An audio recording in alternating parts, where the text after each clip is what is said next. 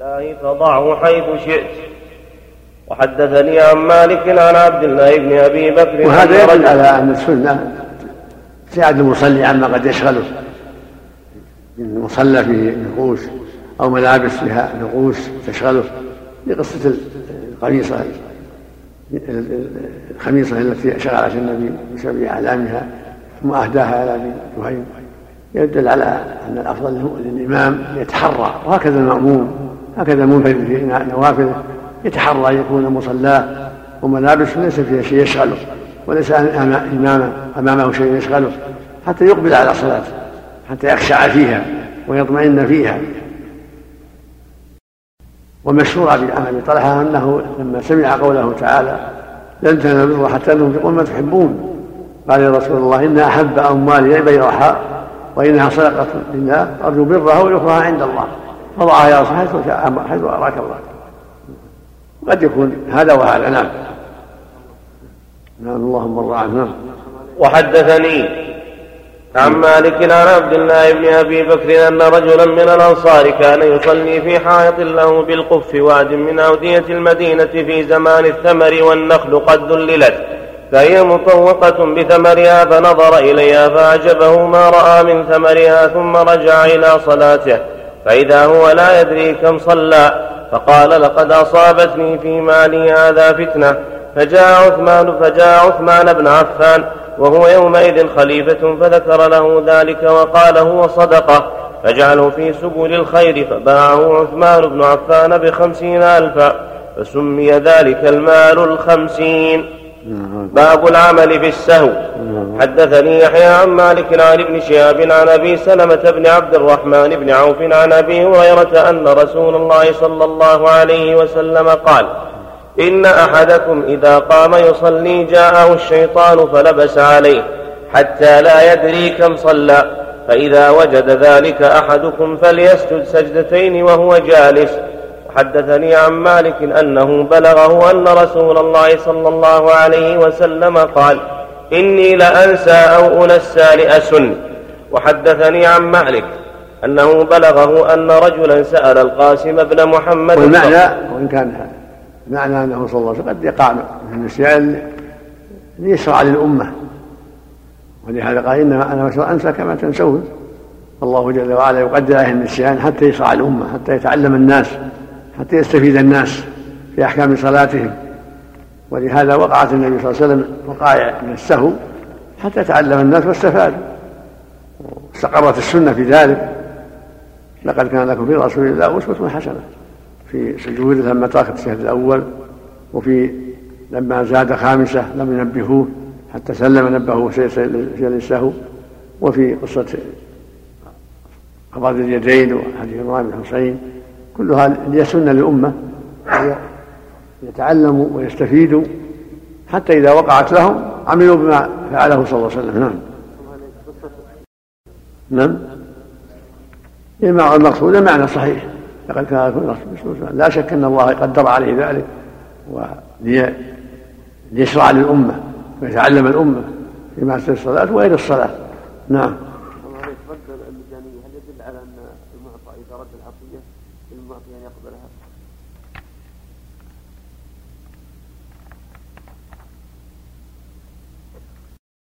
ما ما ما ما في الحديث صراحة أن أن خميس حديث من أبي جهل. لكن محتمل. محتمل انه انه منه. دفعها إليه وقال اقتدي بامر أبي جهل الله اليك كان على الخميصه أنبجانية الخميصة أنها هدية من أبي جهم الأولى. ذات الأعلام. قال وأخذ من أبي جهم أنبجانية بفتح الهمزة وسكون النون وكسر الموحدة وخفة الجيم فألف فنون فياء نسبة كساء غليظ لا علم له. وقال ثعلب يجوز فتح همزته ويجوز فتح همز همزته وكسرها. وكذا الباء الموحدة. قال أبو موسى المديني الصواب أن هذه النسبة إلى موضع يقال له أنبجان لا إلى منبج بالميم البلد المعروف بالشام. وبه رد قول أبي حاتم السجستاني لا يقال كساء أم بجاني وإنما يقال من بجاني. لا أصل أصل الحديث عن عائشة صلى الله عليه أصل الحديث ليش؟ متن صلى في خليفة الأول فلما انصرف قال لعائشة ردي هذه الخميصة إلى جهم فإني نظرت إلى علمها. ردي. ردي هذه الخميصة إلى جهم. وإلى أبي جهم. إلى جهم. كذا عندك؟ نعم. شير عليه حاشا عندكم؟ هذا في الحاشية يا شيخ. إيه. في المتن إلى أبي جهم وفي الحاشية إلى جهم. لا أبي جهم نعم. الظاهر يظهر يظهر من هذا أن أصلها من هدية من أبي جهم فإذا ردها إليه واعتاض عنها تطيبا لخاطره الأنبجانية وهذا فيه دلالة على أن الإنسان إذا أهدى هدية فردها المهدي لأسباب رآها المهدي فلا بأس أن يقبلها. نعم. صلى الله إليك من صلى مأموما ولم يعقل شيئا من صلاته. يشرع له الإعادة. نعم.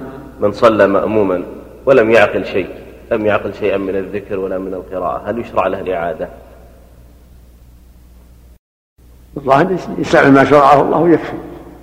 يستعمل ما شرعه الله يكفي ولا يحتاج لإعادة يستعمل ما شرعه الله من سجود السهو في محلاته والحمد لله. ويجعل نفسه في المستقبل. حتى تبتعد عن الوساوس لأن الموسوسين الآن مساكين في خطر عظيم. لو يقول لهم اشرع لي إعادة أعادوا كل ساعة مساكين. نعم. لكن يجاهدون أنفسهم حتى يسلموا من الوساوس ويعملوا ما شرع الله من سجود السهو والبناء على اليقين على غالب الظن حتى يسلموا من هذه الوساوس. وإذا غلب على ظن شيء بنى على غالب ظنه حتى يكون أسهل عليه. يبني على غالب ظنه وينتهي يضرب الشيطان. صلى الله إليك. ولو يعني من استرشد في هذا هل يقال لا يجوز أن يسترشد. يجوز يجب عليه أن لا يسترشد. وأن يعالج الأمور بما عالجها النبي صلى الله عليه وسلم. حتى لا يفتح الباب للشيطان على نفسه. السؤال أحسن الله عملك هل يقال لها أكثر من النوافل. تكمل ما نقص؟ أقول هل يشرع أن يقال لها أكثر من النوافل تكمل ما نقص من صلاة النوافل مشروع للجميع. كان النوافل مشروعة للجميع ولا سيما من عنده تقصير من باب أولى. نعم. وجوب إذا ترك واجب أو فعل محرم سهوا يجب عليه السجود. والشك يجب. نعم.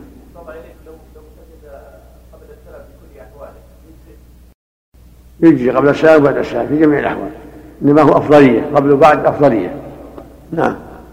وحدثني عن مالك أنه بلغه أن رجلا سأل القاسم بن محمد فقال إني أهم في صلاتي فيكفر ذلك علي.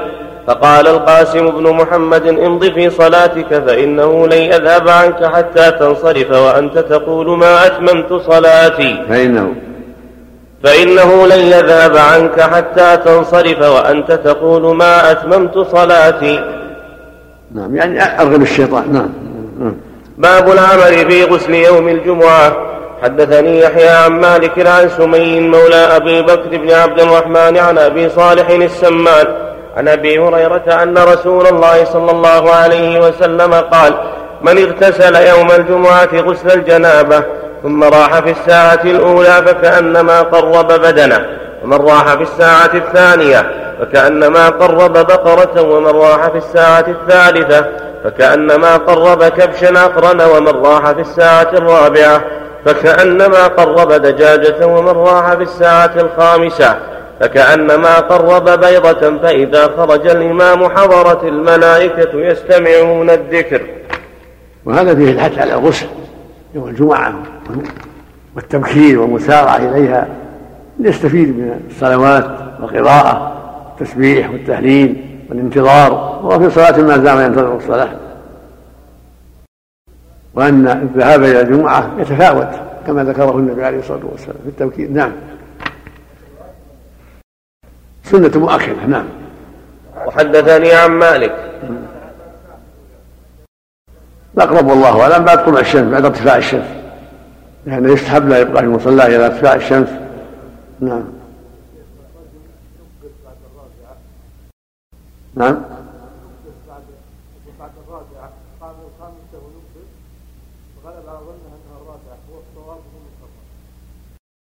يجب عليه أن يعمل التنبيه إذا نبه يرجع إلا إذا إذا تيقن صواب نفسه. أما إذا نبه وما عنده اليقين يرجع. يرجع للتنبيه إذا نبه اثنان أو أكثر. يرجع. ولا يستمر في الزيادة. إلا إذا كان يتيقن أنهم مخطئون يستمر يعمل بيقينه. نعم. وهم كذلك. اللي يعلم أنه يقين لا يتابع في الخامسة. واللي عنده شك يتابع إيمان. أما إن كان عنده يقين أنها زائدة يجلس حتى ينتظر.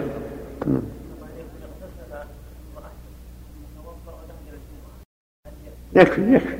متى اغتسل الحمد لله ولا واحدة. توضأ بس يكفي. نعم. نعم. وحدثني عن مالك عن سعيد بن أبي سعيد المقبري عن أبي هريرة أنه كان يقول غسل يوم الجمعة واجب على كل محتلم كغسل الجنابة. وحدثني عن مالك عن ابن شهاب عن سالم بن عبد الله أنه قال دخل رجل من أصحاب رسول الله صلى الله عليه وسلم المسجد يوم الجمعة وعمر بن الخطاب رضي الله عنه يخطب فقال عمر أية ساعة هذه؟ فقال يا أمير المؤمنين انقلبت من السوق فسمعت النداء فما زدت على أن توضأت.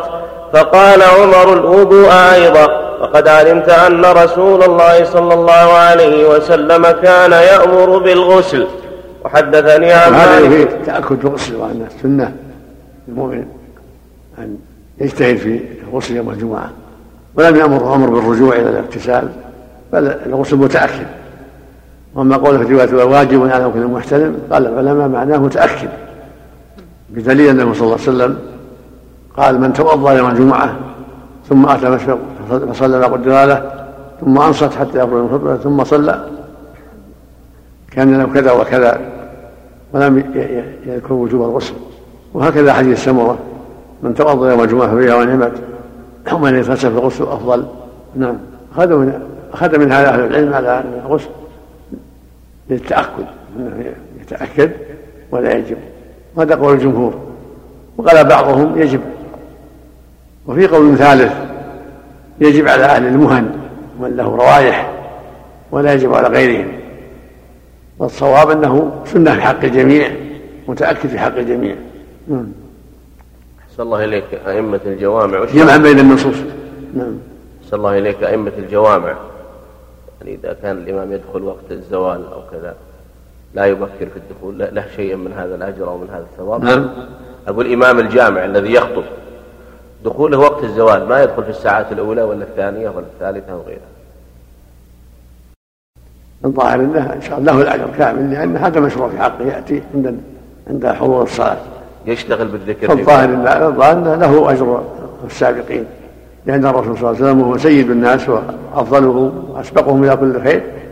كان يأتي إلى الصلاة وقت الخطبة. يأتي فيصعد المنبر عليه الصلاة والسلام. فالإمام مستثنى. الظاهر له فضل السابقين وإن تأخر. نعم.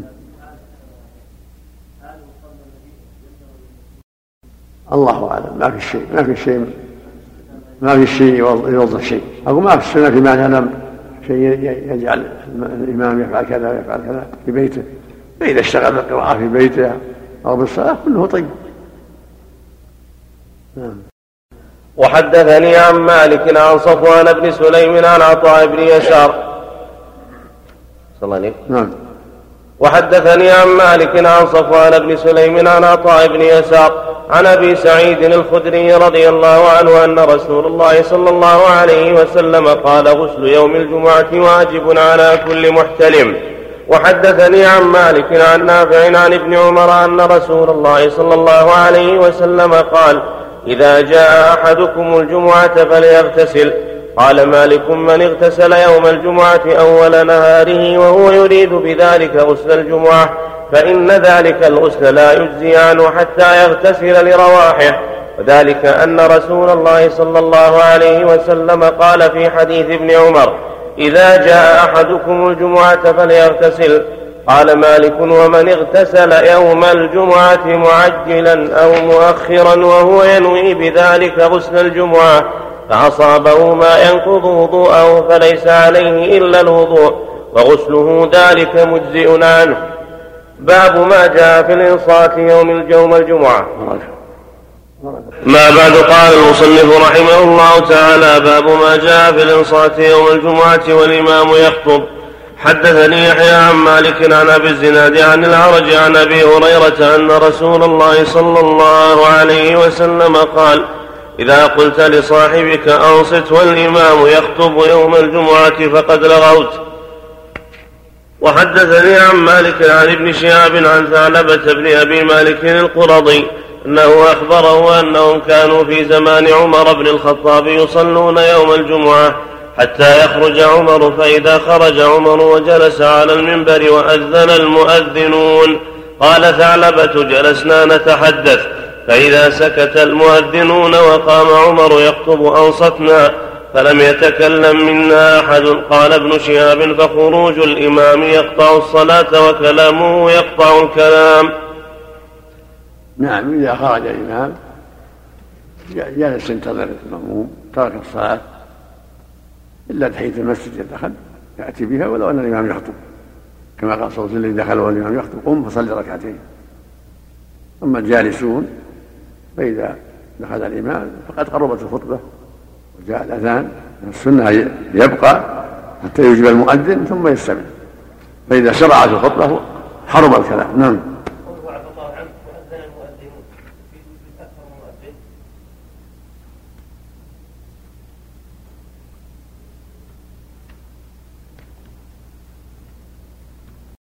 اشكال الشارع تعلق تكلم عنه يظهر انه ما تعذر قال حتى حتى يخرج عمر فإذا خرج عمر وجلس على المنبر وأذن المؤذنون قال ثعلبة جلسنا نتحدث نتكلم بالعلم ونحوه لا بكلام الدنيا.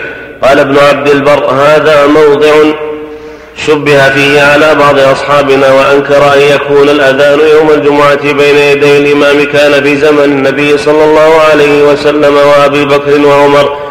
وأن ذلك حدث في زمن هشام بن عبد الملك وهذا قول وهذا قول من قل علمه. قال السائب بن يزيد كان النداء يوم الجمعة إذا جلس الإمام على المنبر على عهد النبي صلى الله عليه وسلم وأبي بكر وعمر.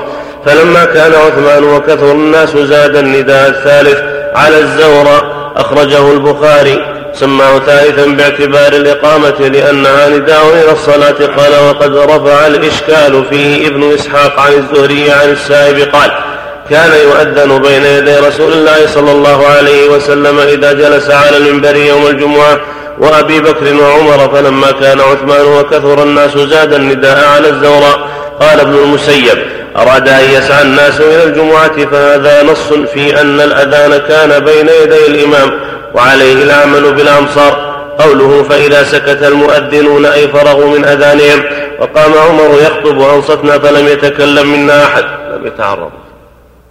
في رواية. في رواية ابن مصعب وأذن المؤذن ما في أذن المؤذن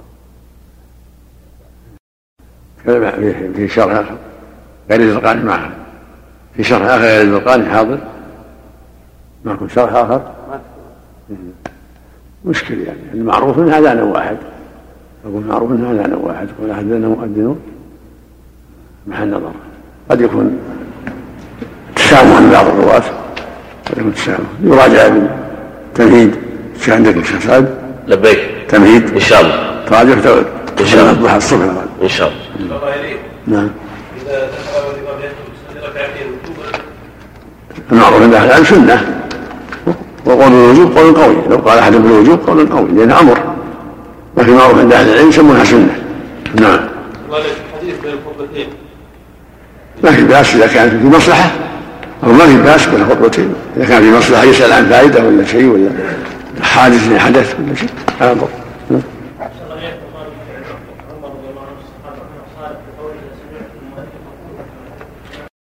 نعم. نعم. وش وش وش وش صار؟ ما ما ما يمنع الإجابة جزاك الله خير. ما هو صالح نعم. هذا ما يمنع الإجابة. قلت لك كيف حالك؟ إنسان طيب.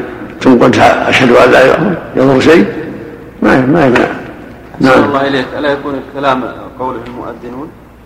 إذا سكت المؤذنون ألا يكون من من قول الراوي؟ على أساس انه يعني هذا وقت المؤذنون حينما يسكتون. العبارة فيها نظر الصواب الصواب يقول إذا سكت المؤذن. هذا الصواب. نعم.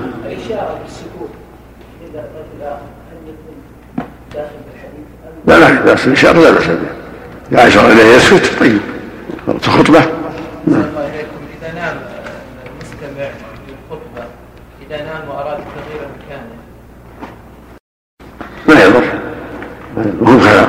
ليس بكلام نعم. نفس الله إليكم إذا لم يفهم الذي يريد أن يغير معه المكان ما يعني ما يجوز لا يقوم. يجلس في مكانه ويجاهد نفسه. يجاهد نفسه بالبعد عن النوم. نعم. صلى الله إليك بعض المصلين يستاك أثناء الخطبة. نعم. بعضهم يستخدم السواك أثناء الخطبة. هل هذا لا من ما له؟ ينبغي. نوع نوع من العبث لا يصلح. ينبغي لا ينصت ولا يستاك ولا يعبث. نعم. وحدثني عن مالك عن أبي النضر مولى عمر بن عبيد الله عن مالك بن أبي عامر أن عثمان بن عفان كان يقول في خطبته قلما يدع ذلك إذا خطب إذا قام الإمام يخطب يوم الجمعة فاستمعوا وأنصتوا فإن للمنصت الذي لا يسمع من الحق مثله. أعيد وحدثني؟ نعم. وحدثني عن مالك عن أبي النضر مولى عمر بن عبيد الله عن مالك بن أبي عامر أن عثمان بن عفان كان يقول في خطبته قلما يدع ذلك إذا خطب إذا قام الإمام يخطب يوم الجمعة فاستمعوا وأنصتوا فإن للمنصت الذي لا يسمع من الحظ مثل ما للمنصت السامع. فإذا قامت الصلاة فاعدلوا الصفوف وحاذوا بالمناكب فإن اعتدال الصفوف من تمام الصلاة ثم لا يكبر ثم لا يكبر حتى يأتيه رجال. قد وكلهم بتسوية الصفوف فيخبرونه أن قد استوت فيكبر. رضي الله عنه. عناية عظيمة وعناية عظيمة رضي الله عنه. والذي ما يسمع. ينصت حتى لا يشوش على الآخرين. وإن كان لا يسمع لا يتحدث. لأن تحديثه قد يشوش على الآخرين الذين يريدون السماع قال عن عن أبي الفضل مولى عمر. تكلم عليه؟ نعم أبي الفضل. أبي النضر. اللي ماشي. النضر زين ماشي. معروف. نعم. نعم. نعم. هذا عثمان طيب هذا طيب مهم. العناية بالصفوف ترتيب الصفوف والتأكد من استقامتها مهم جدا. بنظره أو بمن يوكله. طيب.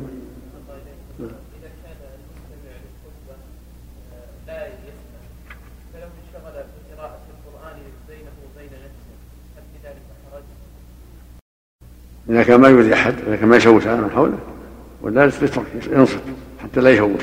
نعم. صلى الله إليك قوله ما عن مالك عن أبي النضر لا ما ما أبو النضر. ظنيت إذا بالفضل صلى الله عليه ما داب النظر معروف. نعم. رجال الشيخ. نعم.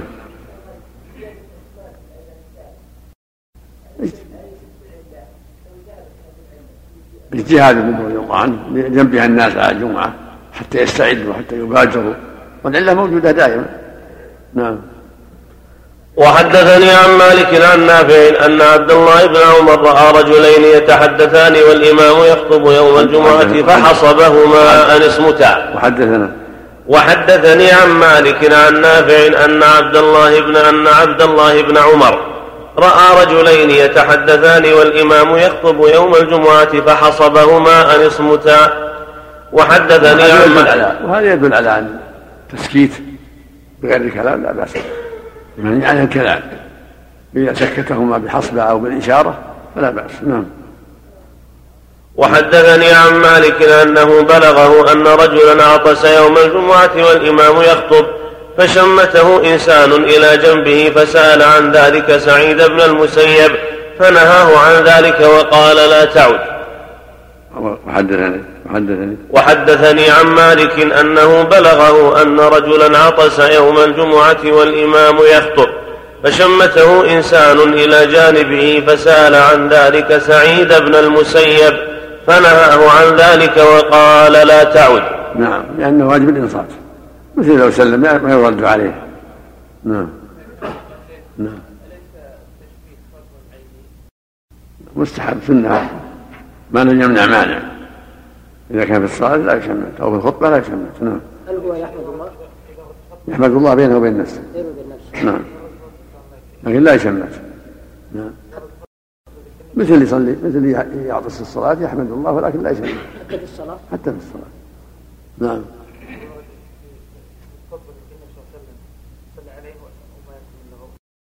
لا بأس. بينه وبين نفسه يصلي على الحديث. رأي معه كيف فلا يصلي عليه. يصلي بينه وبين نفسه لا يجهر. بالإشارة يرد بالإشارة. مثل الصلاة. نعم. لكن لا وحدثني عن مالك. لكن لا يسلم عليهم. يشغلهم بعض الناس قد يكون جاهل ما يفهم. نعم. وحدثني عن مالك أنه سأل ابن شهاب عن الكلام يوم الجمعة إذا نزل الإمام عن المنبر قبل أن يكبر فقال ابن شهاب لا بأس بذلك. لأنها ذات الخطبه إذا نزل ذات الخطبه ولو قبل التكبير انتهت. نعم. الله عليك اذا إذا إذا ضاق المسجد.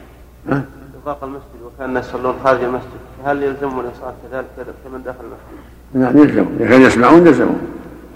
نعم. أو أو يشوشون على من يسمع لا يشوشون. نعم. الخطبة الثانية تبعا للخطبة الأولى. نعم. إذا فصل الإمام بين الخطبتين يجب الفصل بينهم عند الضرورة عند الحاجة ولا اذا سمعنا حاجة. يتأمل يكون عنده تأمل عناية بما هو فيه من من الله وذكره وطاعته. لكن الشيء العارض ما في بس بين بين الخطبتين. كان مصلحة. كلمة عارضة. شمة عاطس أو يرد سلام أو يسال عن شيء مهم. بين بين الخطبتين لا بأس. لو صلى بخطبة واحدة. ما يجوز. لا بد من خطبتين. نعم. نعم. نعم. يعيد الخطبه والصلاه أحسن الله إليك إذا ناب الخطيب في الخطبة الأولى أمر فنزل عن المنبر وخرج من المسجد ثم عاد شلون؟ أقول إذا ناب الخطيب أمر وخرج عن المنبر خرج عن المسجد إما لحاجة عارضة ثم عاد إلى المنبر ثم ثم عاد للخطبة يستأنفها من جديد ولا يكمل من حيث ما وقف؟ الله الأقرب الله لو كان الشيء يسير لا يستأنف كان طال طال الفصل يستأنف وإن كان الفصل خفيف في اعتقاده كفى أن يأتي بالثاني. أحسن الله إليك.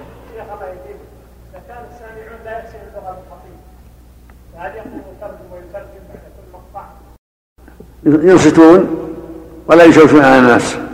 وإذا ترجم لهم أحد بعد الإمام ترجم الإمام أو أمر به يترجم لهم بعد بعد الصلاة فلا بأس. أو في الخطبة اذا كان يحسن اللغة. ويتكلم في في بعض معناها صار اكثريه لا يفهمون فلا حرج إن شاء الله. للمصلحه نعم. لو لو ترجم البعض لهم في اثناء الخطبه بعض الكلمات طيب. إذا كان يحسن ذلك وهم كثرة شخص آخر لا يفرق بين العرب وغير العرب إذا صار للناس ما يفهم العربية لا بأس إذا جاء الواحد يترجم لهم ما في بأس. أثناء الخطبة يترجم شخص آخر. لا يضر لا يضر إن شاء الله. لأن قد يقع في الناس ما يفهم إلا الأردية أو الإنجليزية وهو عربي ما عنده من العرب إلا قليل. إذا كان كلهم لا يعرفون العربية والخطيب يعني يقرأ مجرد تلاوة وما يعرف يقرأ أو يترجم لهم. أو خليه يترجم لهم هذا أحوط. نعم. شيخ يجمع بين المصلحتين. نسأل الله عملك الترجمة بين الخطبتين. نعم. ترجمة الخطبة بين الخطبتين كما هو لا شائع حل الخطبة حل الخطبة أحسن. في حال الخطبة. كل واحدة في وقتها يعني مثلا خطبة أحسن لا تجد بالعربي. لأن المقصود تذكيرهم نصيحتهم. نعم. نعم. باب ما جاء في من أدرك ركعة يوم الجمعة. حدثني يحيى عن مالك عن ابن شهاب أنه كان يقول من أدرك من صلاة الجمعة ركعة فليصلي إليها أخرى.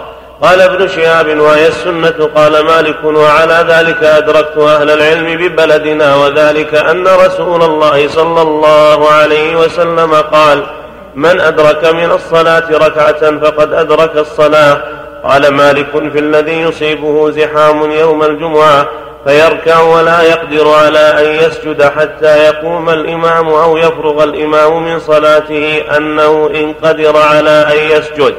إن قدر على أن يسجد إن كان قد ركع فليسجد إذا قام الناس. وإن لم يقدر على أن يسجد حتى يفرغ الإمام من صلاته فإنه أحب إلي أن يبتدئ صلاته ظهرا أربعا. الصواب أنه يكمل وقت قطعة ركع زحم إذا قاموا يسجد. الحمد لله. نعم. باب ما جاء في من رعف يوم الجمعة. باب باب ما جاء في من رعف يوم الجمعة. نعم. لا يصبر حتى يقومون ثم يسجد يصبر قليلا حتى يقوموا ثم يسجد. نعم. يكون زحام تريد ولا ينحني نعم. يصلي. أنا في الطواف إذا قيمت الصلاة في المطاف. فما يستطيع الإنسان حتى أنه ينحني يعني يخرج من الطواف يخرج من الطواف. يصلي بالامام يخرج من الطواف يصلي مع الناس. ما يصلي بالامام يعني يخرج من الطواف. لا لا يصلي أمام الامام نعم. عليه ولا إذا إلى تفويت الصلاة. ولو لا يصلي في- لا لا يدع الركوع والسجود. يخرج والحمد لله ان امكنه ولا يصلي ولو وحده. من صلى من صلى أمام المحراب؟ نعم. من صلى أمام المحراب هل صلاته باطلة؟ ما يصلي امام الامام يصلي وراءه ولا عن يمينه؟ أو عن يمينه وشماله جميعا. من صلاه يعيد صلاته؟ صلى صلى أمام الإمام نعم. ما- ما له الصلاه الصواب ما له الصلاه نعم. ما ثبت على عبد عمر انهم كانوا يسجدون على ارض من كان امامه ما ما ما, أعرف. هذا نعم. نعم. ضاق المسجد بالناس وما وجدوا اتساع خارج المسجد سمعوا الخطبه لكن ما وجدوا مكان الصلاه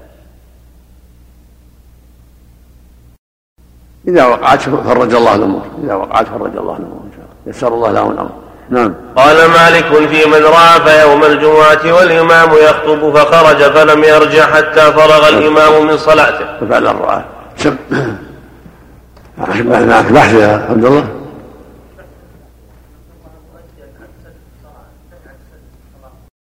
طويل ولا خفيف؟ غيره. مم. مم. بسم الله الرحمن الرحيم الحمد لله رب العالمين وصلى الله وسلم على نبينا محمد وعلى اله وصحبه اجمعين حديث نهى عن السدل في الصلاه وان يغطي الرجل فاه رواه ابو داود بن ماجه وابن خزيمه وابن حبان والحاكم ابو داود إيه. وابن ماجه وابن خزيمة وابن حبان والحاكم والبيهقي والبغوي وابن المنذر كلهم من طريق ابن المبارك عن الحسن ابن ذكوان عن سليمان الأحول عن عطاء عن أبي هريرة عن النبي صلى الله عليه وآله وسلم فذكره والحسن بن ذكوان أبو سلمة البصري ضعفه ابن معين وأبو حاتم. وقال النسائي ليس بالقوي وقال ابن عدي روى عنه يحيى القطان وابن المبارك وناهيك به جلالة أن يروي عنه وأرجو أنه لا بأس به. وثقه ابن حبان. وقال الحافظ في التقريب صدوق يخطي ورمي بالقدر وكان يدلس من السادسة روى, روى له البخاري وأبو داود والترمذي وابن ماجه. قلت لكنه لم ينفرد به فقد رواه أحمد والترمذي وابن حبان والبغوي من طريق حماد بن سلمة عن عسل بن سفيان عن عطاء به مرفوعا دون آخره. وعسل ضعفه ابن معين وقال البخاري عنده مناكير. وقال النسائي ليس بالقوي وقال ابن عدي هو مع ضعفه يكتب حديثه. رواه أحمد الدارمي عن سعيد بن أبي عروبة عن عسل به وفي الباب حديث ابن مسعود رضي الله عنه رواه عبد الرزاق ومن طريقه البيهقي وعن بشر بن رافع عن يحيى بن أبي كثير عن أبي عبيدة بن عبد الله بن مسعود أن أباه كره السدل في الصلاة قال أبو عبيدة. أباه أن أباه كره السدل في الصلاة نعم. قال أبو عبيدة وكان أبي يذكر أن النبي صلى الله عليه وآله وسلم ينهى عنه وبشر ضعيف وأبو عبيدة لا يصح له سماع من أبيه وفي الباب حديث أبي جحيفة رواه الطبراني في. وفي الباب وفي الباب حديث أبي جحيفة رواه الطبراني في معاجمه الثلاثة والبزار والبيهقي من طريق حفص بن أبي داود عن الهيثم بن حبيب الصيرفي عن علي بن الأقمر عن أبي جحيفة ووقع في الكبير عن الصيرفي عن عون بن أبي جحيفة عن أبيه قال أبصر النبي صلى الله عليه وآله وسلم رجلا يصلي وقد سدل ثوبه فدنا منه فعطف, فعطف عليه ثوبه. وفي الكبير مر النبي صلى الله عليه وآله وسلم برجل وفيه فقاطعه عليه. وحفص هذا هو الكوفي القاري. قرأ على عاصم وكان ابن امرأته تركه الحفاظ. كابن المديني والبخاري ومسلم والجوزجاني والنسائي. وفي التقريب متروك متروك الحديث مع إمامته بالقراءة قال البيهقي وقد كتبناه من حديث إبراهيم بن طهمان عن الهيثم فإن كان محفوظا فهو أحسن من رواية حفص القاري. واختلف في معنى السدل ففسره الخطابي بالإسبال وفي النهاية أن يلتحق نعم. فسره الخطابي. فسره ففسره الخطابي بالإسبال. إيه. وفي النهاية أن يلتحف الرجل بثوبه ويدخل يديه من داخل من داخل فيركع ويسجد وهو كذلك. وكانت اليهود تفعله. وهذا مضطرد في القميص وغيره من الثياب. وهذا؟ وهذا مضطرد في القميص وغيره من الثياب. وقيل هو أن يضع وسط الإزار على رأسه ويرسل طرفيه عن يمينه وشماله من غير أن يجعلهما على كتفيه.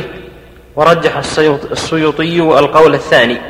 وقال هو الذي اختاره البيهقي والهروي في الغريب. وجزم به من أصحابنا أبو, أبو إسحاق في المهذب والشاشي صاحب البيان وصاحب البيان. ومن الحنفية صاحب الهداية والينابيعي والزيلعي والزاهدي وغيرهم. ومن الحنابلة موفق الدين ابن قدامة في المغني وقوله أن يغطي الرجل فاه قال الخطابي إن من عادة العرب التلث إن من عادة العرب التلثم بالعمائم على الأفواه فنهوا عن ذلك في الصلاة إلا أن يعرض للمصلي الثوباء فيغطي فمه عند ذلك للحديث الذي جاء فيه. فإذا سئل شيخ الإسلام في مجموع الفتاوي هل طرح القباء على الكتفين من غير أن يدخل يديه في أكمامه مكروه؟ فأجاب لا بأس بذلك باتفاق الفقهاء. وقد ذكروا جواز ذلك وليس هذا من السدر المكروه لأن هذه اللبسة ليست لبسة, ليست لبسة اليهود.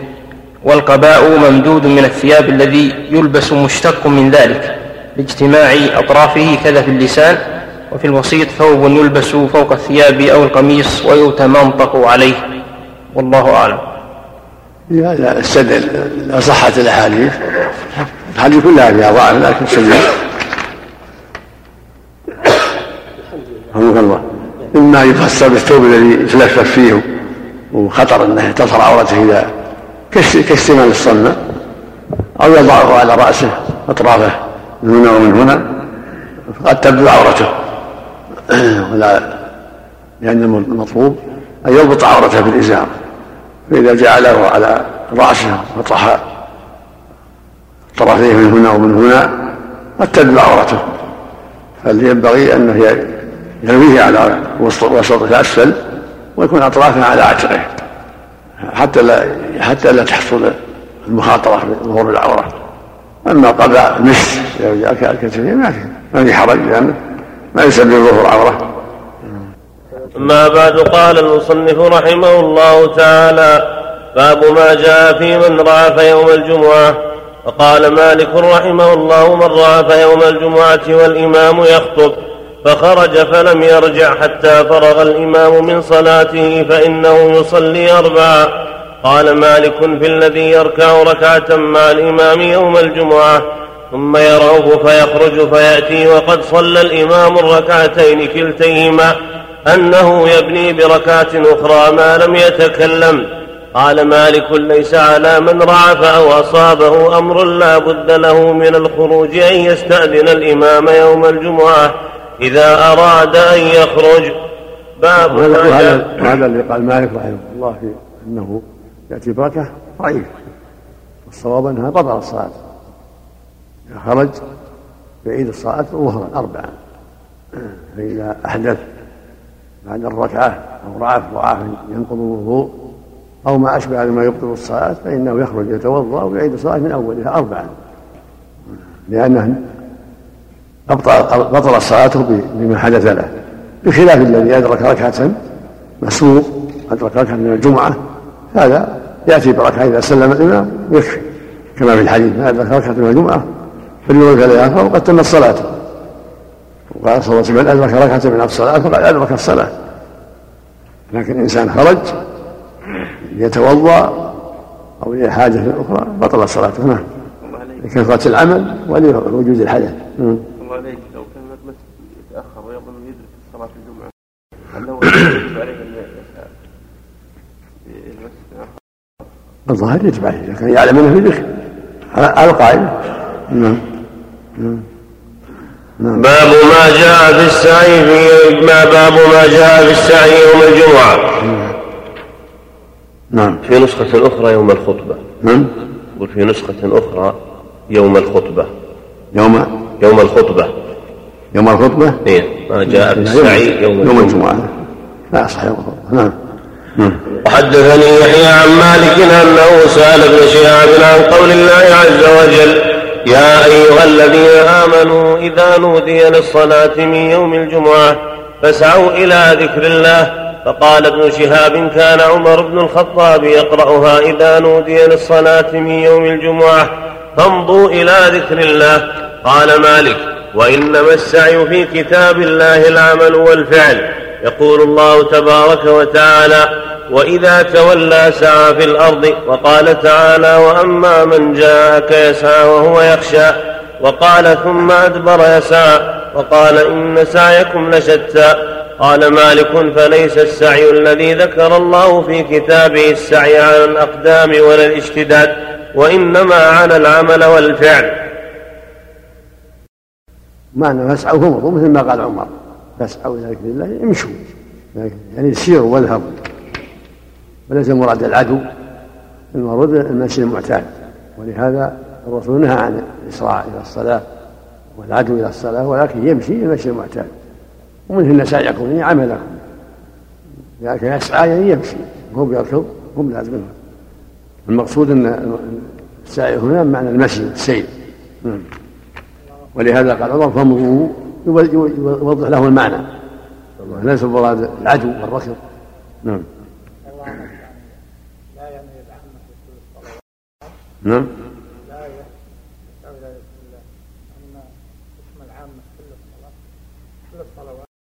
نعم. يعني وجد الصلاة يمشي إليها لا يركض. سواء الجمعة ولا غيرها لكن الجمعة أهم. نعم. باب ما جاء في الإمام ينزل بقرية يوم الجمعة في السفر.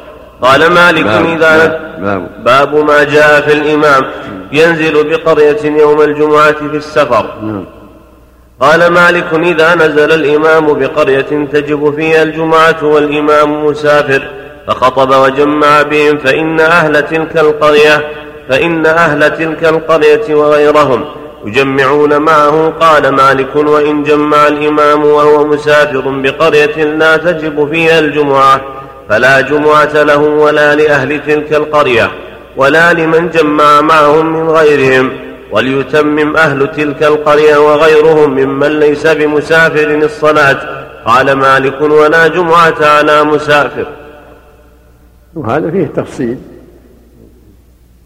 إذا كانوا من أهل الجمعة صلوا جمعة وصلى معهم مسافر جمعة لا بأس. وإن أمهم جاز. أما إذا كان لا جمعة مثل واحد ولا اثنين لا جمعة يصلوا الظهر. والصواب أن الثلاثة تنعقد يوم الجمعة. إذا كانوا مستطيعين مستوطنين في القرية مقيمين بها جمعوا. هذا لأن ليس هناك دليل على اشتراط الأربعين أو الاثنى عشر. الجمعة الجماعة. إذا كانوا جماعة وأقلهم ثلاثة جمعوا إذا كانوا مستوطنين مقيمين في البلد. نعم.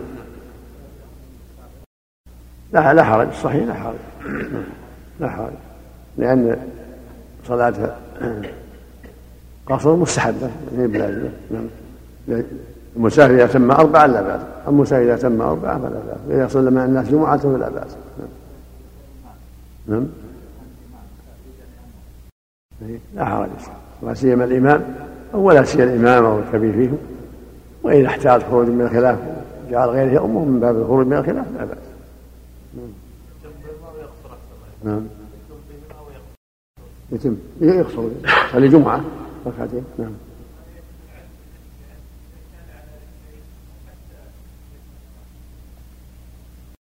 لا يعني لا راكب ولا ماشي. نعم. يعني غير الجمعة. نعم. إن قصر فلا بأس مثل ما صلى بقصر غير الجمعة والجمعة ركعتان ما يزال فيها نعم. نسأل الله عنك إذا صاروا كلهم مقيمين وهو المسافر فأمهم يراعي حال الأغلب ولا يقصد؟ يصلي جمعة. أقصد في غير الجمعة أحسن الله إليك أنت هو مخير. إن تم بهم فلا بأس من صلى ركعتين سلم معه المسافرون وقام الباقون يتمون أربعة أحسن الله عنك باب ما جاء في الساعة التي في يوم الجمعة. وحدثني يحيى عن مالك عن أبي الزناد عن الأعرج عن أبي هريرة أن رسول الله صلى الله عليه وسلم ذكر يوم الجمعة فقال فيه ساعة لا يوافقها عبد مسلم وهو قائم يصلي. يسأل الله شيئا إلا أعطاه إياه وأشار رسول الله صلى الله عليه وسلم بيده يقللها.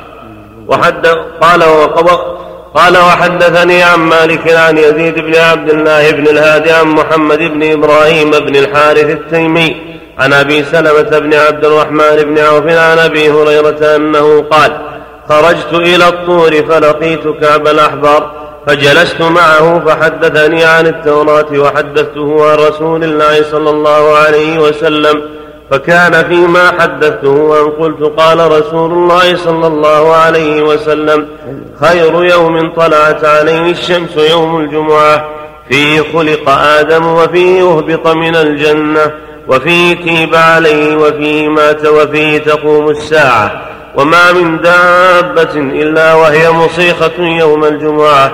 من حين تصبح حتى تطلع الشمس شفقا من الساعة. إلا الجن والإنس وفيه ساعة لا يصادفها عبد مسلم وهو يصلي بل في كل جمعة. فقرأ كعب التوراة فقال صدق رسول الله صلى الله عليه وسلم. قال أبو هريرة فلقيت بصرة بن فلقيت بصرة بن أبي بصرة الغفاري. فقال من أين أقبلت؟ فقلت من الطور فقال لو أدركتك قبل أن تخرج إليه ما خرجت. ما خرجت؟ سمعت رسول الله صلى الله عليه وسلم يقول لا تعمل المطي إلا إلى ثلاثة مساجد إلى المسجد الحرام وإلى مسجد هذا وإلى مسجد إيلياء أو بيت المقدس. يشك قال أبو هريرة. ثم لقيت عبد الله بن سلام فحدثته بمجلسي مع كعب الأحبار وما حدثته به في يوم الجمعة. فقلت قال كعب ذلك في كل سنة يوم. قال قال عبد الله بن سلام كذب كعب. فقلت ثم قرأ كعب التوراة فقال بل هي في كل جمعة. فقال عبد الله بن سلام صدق كعب. ثم قال عبد الله بن سلام قد علمت أية ساعة هي. قال أبو هريرة فقلت له أخبرني بها ولا تظن علي. فقال عبد الله بن سلام هي آخر ساعة في يوم الجمعة. قال أبو هريرة فقلت وكيف تكون آخر ساعة في يوم الجمعة؟ وقد قال رسول الله صلى الله عليه وسلم لا يصادفها عبد مسلم وهو يصلي وتلك الساعة ساعة لا يصلى فيها. فقال عبد الله بن سلام ألم يقل رسول الله صلى الله عليه وسلم من جلس مجلسا ينتظر الصلاة فهو في صلاة حتى يصلي. قال أبو هريرة فقلت بلى قال فهو ذلك. يعني منتظر صلاة المغرب يوم الجمعة في حكم الصلاة. فدعاه ترجى إجابته يعني الساعة ما بين العصر إلى غروب الشمس. وهكذا ما بين يجلس الإمام الجمعة في الخطبة إلى أن تقضى الصلاة يوم الجمعة. هي ساعة أيضا ترجى فيها الإجابة وقد صدق عبد الله كما لأنه بينه النبي صلى الله عليه وسلم أن المنتظر لا يزال في صلاة من انتظر الصلاة هذه هذه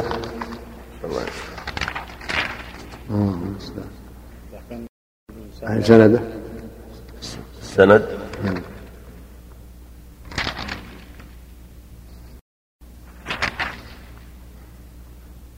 نعم. في الدعوة مثلا يجول في القرى يحرص على أن يستأذن الإمام يخطب الجمعة.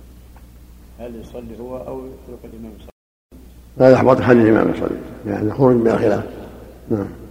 يعني بعض أهل العلم يرى المسافر ما يصلي الجمعة. ما يصلي الإمام يعني يتبع ولا حرج. يذكرهم بعد الصلاة. أو يذكرهم بعد الصلاة. إن شاء الله كيف تسمع نعم. نعم. إيه. لا تركها. ترك العصر أحوط في وقتها. لأن بعض أهل العلم يراه ما تصح. لأن هي بجمعة وقت جمع. جمعة تفرد وحدها. نعم. إن عاد هو أحوط. صلي العصر في وقتها ولا صليها في وقتها نعم. سند أحسن الله سند. صلي العصر في وقتها يوم الجمعة نعم. قال مالك عن يزيد بتحتية. هن؟ هن؟ قال مالك عن يزيد إيه. بتحتية أوله ابن عبد الله بن أسامة بن الهاد فنسب أبوه إلى جده الليث عن يزيد إيش؟ بتحتية. إيه. أوله. لا سند سند متن متن. عيد المتن. إيه. وحدثني عن مالك عن يزيد بن عبد الله بن الهادي عن محمد بن إبراهيم بن الحارث التيمي. عن أبي سلمة بن عبد الرحمن بن عوف عن أبي هريرة. طيب أنه قال خرجت إلى الطور. ماشي. ماشي. نعم. نعم.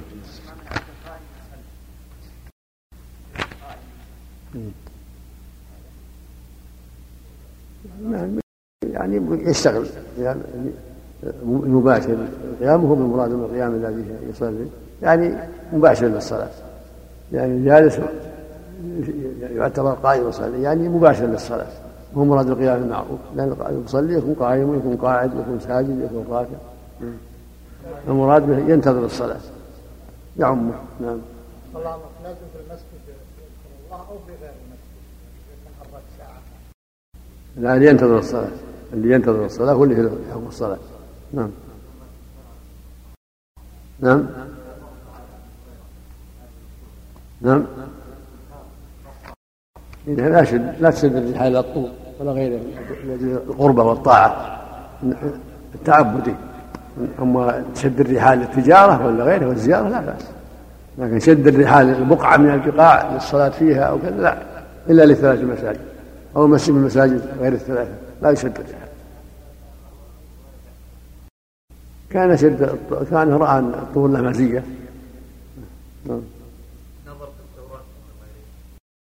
إذا كان للرد عليها أو بيان ما فيها من الشر من العلم والبصيرة دعت الحاجة إلى ذلك ولا لا ينبغي قراءتها ولا لأن فيها من الزيادة والكذب حرفوا وغيروا وقد أغنى الله عنها بالقرآن. الله انتظار الصلاه في أخطأ يعني أخطأ. يعني. نعم. الانتظار الصلاه لابد نعم الانتظار انتظار الصلاه رحمك الله. نعم. أقول انتظار الصلاه بنية الصلاة يعني ينتظر صلاة المغرب أو ينتظر الظهر أو العصر أو المغرب أو العشاء المنتظر له حكم مصلي له الأجر. حتى لو كان ولا يزال في صلاة ما انتظر الصلاة كما في الحديث الصحيح والملائكة تستغفر له. كالمريض في البيت يصير مريض. نعم. لا ما ما منتظر تروح المسجد. والمرأة ها؟ المرأة كيف في مصلاها كذلك نعم. إذا كان بيصلي في البيت مريض أو امرأة في البيت أو مسافر في البر ينتظرها المصلى. نعم. باب الهيئة وتخطي الرقاب واستقبال الإمام يوم الجمعة. بارك للقادر المريض في بيته المريض في بيته. المريض أو المرأة. ما يسمى منتظر إلا إذا قصد محل الصلاة. نعم. بعد صلاة العصر يعني. أحسن الله إليك. نعم. أي مسجد. نعم. المقصود يذهب ينتظر الصلاة. أما بعد قال المصنف رحمه الله تعالى قال وحدثني يحيى عن مالك عن يحيى بن سعيد أنه بلغه أن رسول الله صلى الله عليه وسلم قال ما على أحدكم ما على أحدكم لو اتخذ ثوبين لجمعته سوى ثوبي مهنته. وحد وقال حدثني عن مالك عن نافع أن عبد الله بن عمر كان لا يروح إلى الجمعة إلا الدهن وتطيب إلا أن يكون حراما. قال وحدثني عن مالك عن عبد الله بن أبي بكر بن حزم عمن حدثه عن أبي هريرة أنه كان كأنه كان يقول لأن يصلي أحدكم بظهر الحرة. خير له من أن يقعد حتى إذا قام الإمام يخطب جاء يتخطى رقاب الناس يوم الجمعة. قال مالك السنة عندنا أن يستقبل الناس الإمام يوم الجمعة. إذا أراد أن يخطب من كان منهم يلي القبلة وغيرها. باب القراءة في صلاة الجمعة والاحتباء ومن تركها من غير عذر. قال الشارح قال قال ما السنة عنده شارح السنة على نعرف الزرقاني نعم صلى الله عليه وسلم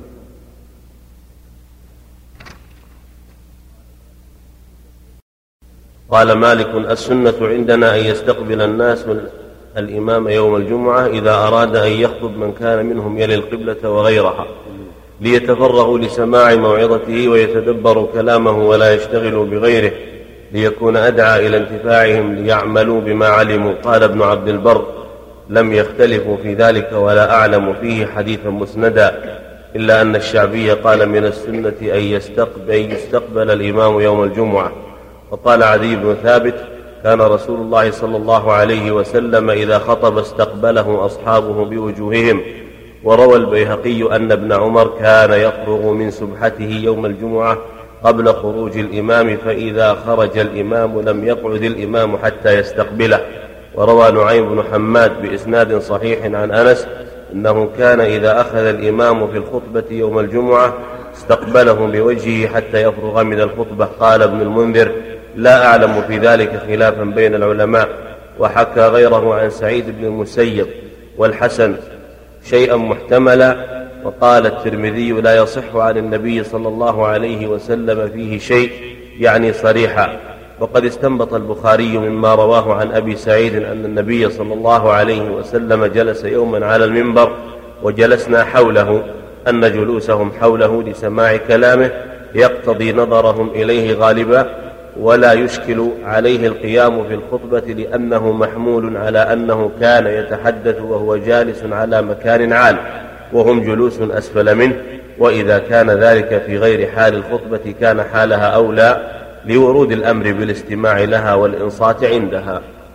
المقصود أنه يكون مستقبل القبلة وجوه من القبلة حتى يصوم لا يذهبوا ها هنا أو ها هنا تكون الصفوف كلها مستقبل القبلة حتى ينصتوا الخطبة ويستمعوا لها. نعم. صلى الله عملك اللي يستند إلى جدار فيكون وجه الشمال أو جنوب الإمام لا خلاف السنة. السنة أن يكون هذا لأن هذا أهم للتاثر والاستماع والإنصات والرغبة فيما يقوله الخطيب. لا يكون هكذا ولا هكذا. نعم. ها؟ لا بل كلهم إلى قبلة وهم كلهم وهم على صفوفهم. كان النبي صلى الله عليه وسلم يخطبهم وهم على صفوفهم. مثل ما قال أبو سعيد في الصحيحين. نعم. لكن وجوههم إلى القبله من إلى الشمال والجنوب. نعم. باب القراءة في صلاة الجمعة والاحتباء ومن تركها من غير عذر. وقال وحدثني يحيى عن مالك عن باب القراءة في صلاة الجمعة والاحتباء ومن تركها من غير عذر نعم. قال وحدثني يحيى عن مالك عن ضمرة بن سعيد المازني عن عبيد الله بن عبد الله بن عتبة بن ابن عتبة بن مسعود أن الضحاك بن قيس سأل النعمان بن بشير ماذا كان يقرأ به رسول الله صلى الله عليه وسلم يوم الجمعة على أثر سورة الجمعة قال كان يقرأ هل أتاك حديث الغاشية؟ قال وحدثني عن مالك عن صفوان بن سليم. قال مالك لا أدري أعن النبي صلى الله عليه وسلم أم لا. أنه قال من ترك الجمعة ثلاث مرات من غير عذر ولا علة طبع الله على قلبه. قال حدث وقال حدثني عن مالك عن جعفر بن محمد عن أبيه أن رسول الله صلى الله عليه وسلم خطب خطبتين يوم الجمعة وجلس بينهما. باب الترغيب في الصلاة في رمضان.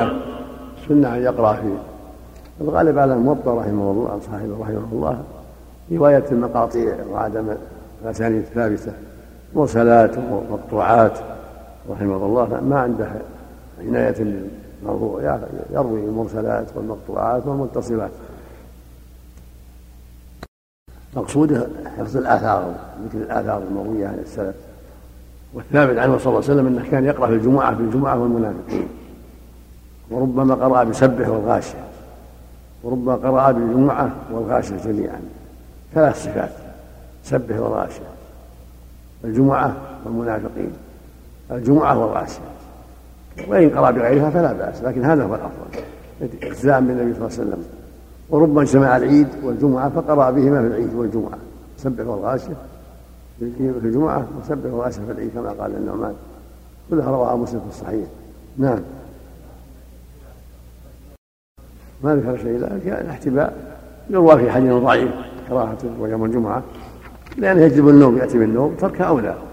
والحديث فيه ضعيف. لكن تركها أولى لأنه قد يأتي بالنوم قد يأتي بالكسل عند الخطبة نعم. ينصب ينصب فخذيه وساقيه ويقعد على مقعدته. نعم. ما هو بلازم قد يربط ولا نعم. باب الترغيب للصلاة في رمضان. قال حدثني يحيى عن مالك عن ابن شهاب عن عروة بن الزبير عن عائشة زوج النبي صلى الله عليه وسلم أن رسول الله صلى الله عليه وسلم صلى في المسجد ذات ليلة. فصلى بصلاته ناس ثم صلى الليلة القابلة فكثر الناس ثم اجتمعوا من الليلة الثالثة أو الرابعة فلم يخرج إليهم رسول الله صلى الله عليه وسلم فلما أصبح قال قد رأيت الذي صنعتم ولم يمنعني من الخروج إليكم إلا أني خشيت أن تفرض عليكم وذلك في رمضان. قال وحدثني عن مالك عن ابن شهاب عن أبي سلمة بن عبد الرحمن بن عوف عن أبي هريرة أن رسول الله صلى الله عليه وسلم كان يرغب في قيام رمضان من غير أن يأمر بعزيمة فيقول من قام رمضان إيمانا واحتسابا غفر له ما تقدم من ذنبه قال ابن شهاب فتوفي رسول الله صلى الله عليه وسلم والأمر على ذلك ثم كان الأمر على ذلك في خلافة أبي بكر وصدرا من خلافة عمر بن الخطاب. باب ما جاء في قيام رمضان. قال وحدثني مالك عن ابن شهاب عن عروة بن الزبير عن عبد الرحمن بن القاري أنه قال خرجت مع عمر بن الخطاب في رمضان إلى المسجد فإذا الناس أوزاع متفرقون يصلي الرجل لنفسه ويصلي الرجل فيصلي بصلاته الرهط فقال عمر والله إني لأراني لو جمعت هؤلاء على قارئ واحد فكان أمثل فجمعهم على أبي بن كعب. قال ثم خرجت معه ليلة أخرى والناس يصلون بصلاة قارئهم. فقال عمر نعمة البدعة هذه والتي تنامون عنها أفضل من التي تقومون يعني آخر الليل. وكان الناس يقومون أوله. لأنهم أرفقوا بهم أول الليل أرفقوا بهم والنبي قام بهم ثلاث ليالي. ثم ترك قال خشيت أن عليكم. وقال صلى الله عليه وسلم أفضل صلاة المرء في بيته إلا المكتوبة. فصلاة التراويح سنة قربة ولكن تركها النبي خوف الفريضة. فلما توفي النبي صلى الله عليه وسلم وصار في صلاة المسجد وصار الأمر إلى عمر رأى جمعهم. بدل من يكون أوزاع هذا يصلي ثلاثة يصلون جميع وهذا خمسة يصلون جميع وهذا جمعهم على إمام واحد. كما فعل النبي صلى الله عليه وسلم في حياته صلى الله عليه وسلم لأن الفريضة أمنت. لما توفي انقطع الوحي وأمنت الفريضة فجمعهم ثم استمر المسلمون على هذا. يصلون التراويح جماعة في أول الليل لما لأن الرسول رغب في قيام الليل في رمضان وقام من قام رمضان إيمانا واحتسابا غفر له ما تقدم من ذنبه. فلهذا فعله السلف واستمروا على هذا من عهد عمر إلى يومنا هذا وذمة البدعة يعني من جهة اللغة. وأنها سنة قربة يعني أنها فعلها على غير مثال سابق. يعني البدعة الشيء يفعل على غير مثال سابق. مقصود أن جمعهم على إمام واحد وكانوا ليس كذلك فيما مضى. سماها بدعة من هذه الحيثية من حيث اللغة لا من حيث الشرع. هي سنة وقربة نعم. لعله لأجل أشغاله مشغول بالولاية يصلي في بيته. أو لعل لأجل هذا والله أعلم.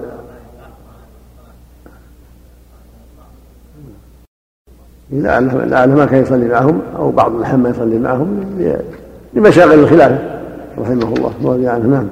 بعض الناس يا شيخ إذا نصح عن موضوع ايراد الأحاديث الضعيفة والموضوع يقول أنا أرغب الناس بس. الضعيفة لا بأس إذا ذكرها غير يجب يروى عن رسول الله يروى يذكر. أما الموضوعة ما يجوز أحد يذكرها العامة ما يذكرونها يحرم عليهم لأنهم ما يفهمون. يبين لهم من هذه الموضوعة كذب. إذا ذكروها ينكر عليهم يعلمون والأحاديث الصحيحة كافية حتى الضعيفة ترك أولى؟ الصحيحة تكفي والحمد لله. قول قول عمر الذي يتناولون عنها افضل من يعني في آخر الليل يعني يعلم الإنسان أنه يعني يقوم آخر الليل أولى أنه يترك الصلاة يصلي معهم أحسن ويقوم آخر الليل يعني يصلي معهم آخر الليل والحمد لله. يصلي معهم اظهارا للسنة هذه ويصلي في آخر الليل ما تيسر بدون بدون وتر يكفي الوتر الأول. نعم. نعم نعم. كان يقرأ ابي نعم. نعم. بارك الله فيك يا شيخ. من قال أن القنوت ورد في انه لا يكون إلا بعد. هذا يروى عنه. وبين كان قالتهم في الشهر كله ويروى أنه كان يقرأ في النصف الاخير والأفضل في الجميع. أفضل. وإذا ترك بعض الأحيان لا بأس. ليعلم الناس أنه مو بلازم يعني. نعم. كل ليله في وفي روي عن ابي كان ربما ترك قنوت في النصف الأول وقال في النصف الأخير. ولكن تعليم النبي صلى الله عليه وسلم للحسن وأمره بالقنوت يدل على العموم في جميع جميع الليالي. في غير رمضان نعم في جميع الليالي. نعم. نعم. قال عبد عبد القاري أبوه عبد بغير اضافه ما حكم عبد الرحمن بن عبد القاري نعم. ما حكم من قال أنا ما كذبت على النبي لكن كذبت له؟ كل هذا كذب هذا كلام كذب هذا هو كاذب. نعم. نعم.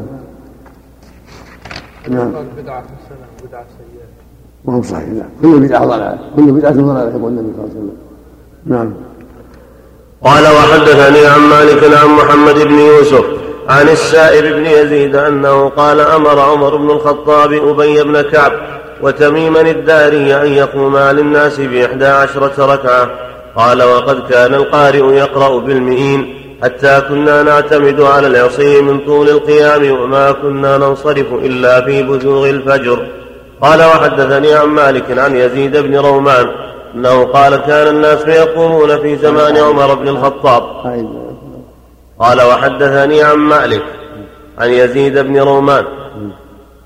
أن الحديث اللي قبله. وحدثني عن مالك عن محمد بن يوسف عن السائب بن يزيد أنه قال أمر عمر بن الخطاب أبي بن كعب وتميما الداري أن يقوما للناس بإحدى عشرة ركعة. قال وقد كان القارئ يقرأ بالمئين حتى كنا نعتمد على العصي من طول القيام. وما كنا ننصرف إلا في بزوغ الفجر. يمكن هذا في بعض الأحيان في بعض الأحيان يتأخرون إذا كان وكان ولا كان معروف عنهم كان يخفف بهم ولا يطول عليهم. لكن لعل هذا في بعض الأحيان في بعض الليالي. وبعضها كانوا يصلون 23 بعضهم يصلون 23 في بعضها أوتروا ب 23 وفي بعضها ب 11 نعم. كان شيخ الإمام يعلم أن الناس إذا خفف عليهم اجتمعوا ويطول يعني الأفضل التخفيف حتى يجمع الناس نعم. الرد يا شيخ على المبتدعة يستدلون بهذا الحديث. قول عمر نعمة البدعة يبين لهم يبين لهم. أو يبين لهم الصواب. نعم. قال وحدثني عن مالك عن يزيد بن رومان أنه قال كان الناس يقومون في زمان رومان نعم. عن يزيد بن رومان أنه قال كان الناس يقومون في زمان عمر بن الخطاب في رمضان بثلاث وعشرين ركعة. قال وحدثني عن مالك عن داود بن الحصين أنه سمع الأعرج يقول ما أدركت الناس إلا وهم يلعنون الكفرة في رمضان. قال وكان يعني القارئ يقرأ. يعني في القنوت. حدثنا وحدثنا نعم. قال وحدثني عن مالك عن داود بن الحصين أنه سمع الأعرج يقول ما أدركت الناس إلا وهم يلعنون الكفرة في رمضان. قال وكان القارئ يقرأ سورة البقرة في ثمان ركعات فإذا قام بها في اثنتي عشرة ركعة رأى الناس أنه قد خفف. الله الرابع شدة الرابع. اللهم المستعان اللهم المستعان القنوت يعني نعم. نعم. لعن الله اليهود والنصارى قاتل الله اليهود مثل ما كان النبي صلى الله عليه وسلم نعم. ما ينبغي لا. قاتل الله اليهود والنصارى لعن الله المشركين لعن الله اليهود والنصارى. لا يلعن معين نعم. الأولى التعميم مثل ما كان النبي صلى الله عليه وسلم لكن إذا وجد إنسان معروف بالشرع على المسلمين ولعن لا يضر إن شاء الله. لكن المشهور والأغلب يكون العموم. وقد وقع النبي صلى الله عليه وسلم تعيين بعض الكفرة ولعنهم مثل أبا جهل ومثل عتبة بن ربيعة وغيره من شدة عداوتهم وشدة كفرهم نعم. قال وحدثني عن مالك عن عبد الله بن أبي بكر قال سمعت أبي يقول كنا ننصرف في رمضان فنستعجل الخدم في الطعام مخافة الفجر قال وحدثني عن مالك قال وحدثني عن مالك عن عبد الله بن أبي بكر قال سمعت أبي يعني أبو بكر محمد بن عمرو بن حزم. تابعي نعم. نعم نعم. يقول كنا ننصرف في رمضان فنستعجل الخدم في الطعام مخافة الفجر. يمكن هذا في العشر الأخيرة نعم. قال حدثني عن مالك عن هشام بن عروة عن أبيه أن ذكوان أن ذكوان أبا عمر. أن ذكوان أبا عمرو وكان عبدا لعائشة زوج النبي صلى الله عليه وسلم فأعتقته عن دبر منها كان يقوم يقرأ لها في رمضان عن مالك عن هشام بن عروة عن أبيه. أن ذكوان أبا عمرو وكان عبدا لعائشة زوج النبي صلى الله عليه وسلم فأعتقته عن دبر منها كان يقوم لها كان يقوم يقرأ لها في رمضان.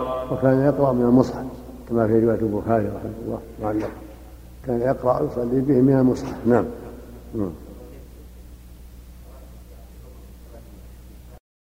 هذا وهذا كله. هذا وهذا فعلوا هذا. تارة وهذا تارة نعم.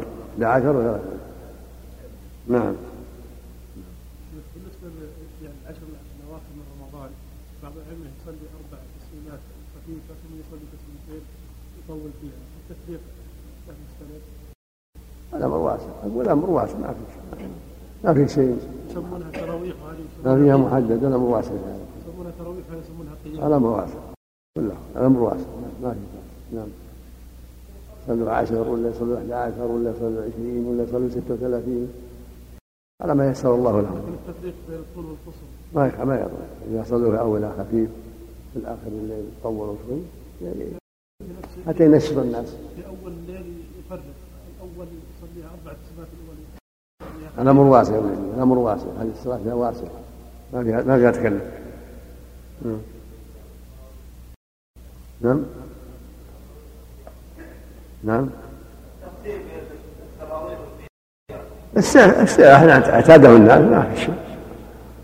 سموها تراويح السلف وسموها قيام. الحمد لله. نعم. ما في مانع. إذا اتفق مع ربعه آخر الليل ما في بأس. وإن تقدموها فلا بأس وإن صلوا بعضها في أول الليل بعضها في آخر الليل فلا بأس الأمر واسع نعم نعم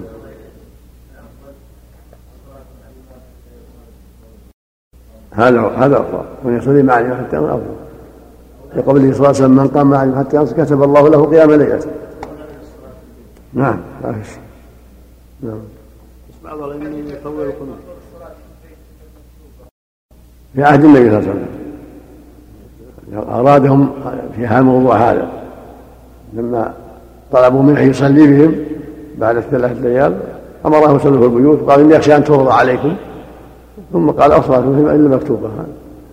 من جهة النافلة في البيت أفضل. إلا ما شرع الله له جماعة كالكسوف صلاة الاستسقاء هذه في جماعة تراويح. كونها جماعة المساجد أفضل.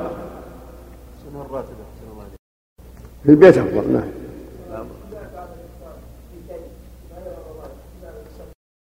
نعم.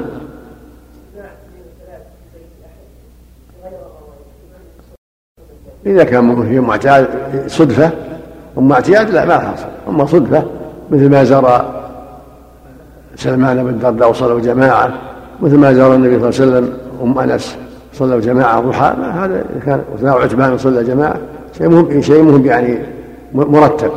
شيء صدفة لا بأس. مرتب لا. ما يصلح الترتيب. بدعة. ترتيب بدعة. أقول بارك الله فيك. وجدنا في الحرم وناس كثيرين ما يصلون مع المسلمين.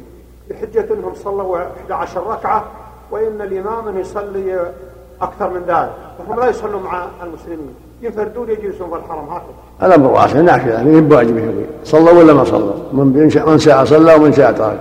مثل فريضة. نافلة وإن صلى مع الإمام 11 ركعة فلا بأس وإن صلى اثنتين فلا بأس وإن صلى عشر فلا بأس وما صلى فلا بأس. ما حرم إلا نفسه. هذا هذا فضل ونافلة. إذا صلى مع الإمام فهو خير وإما وإن راح البيت فلا بأس الحمد لله. كلها نوافل. تهجد بالليل نافلة. الفريضة الخمس الظهر والعصر والمغرب والعشاء والفجر هذه الفرائض أما التراويح والزيادة في رمضان كلها نافلة والحمد لله. من فعلها فله الأجر ومن ترك فلا حرج. يتركون من التطوير. نعم.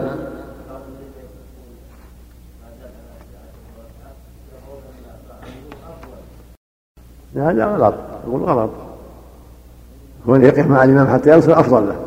يصلي مع الإمام حتى ينصر أفضل له ولو صلى 23 وإن صلى الإمام 11 لا بأس وإن صلى 13 فلا بأس. 11 أفضل ولكن لو صلوا 23 لا بأس مثل ما فعلوا في عهد عمر. والنبي عليه الصلاة والسلام قال صلاة الليل مثنى مثنى ولم يحدد عدد. لو صلى 100 ما حدد. صلاة الليل مثنى مثنى. فإذا خشي الصبح صلى ركعة واحدة. لو صلى 100 ثم اوتر بواحدة ما في بأس.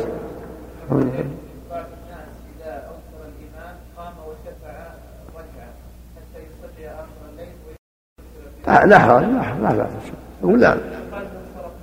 لا بأس نحن كمل كمل مع الإمام زاد ركعة لأجل يوتر في آخر الليل لا وإن صلى مع الإمام وصلى في آخر الليل بدون وتر أفضل أولى أولى من كونه يقوم ويصلي يسهل نفسه مع الناس النبي يصلي آخر الليل.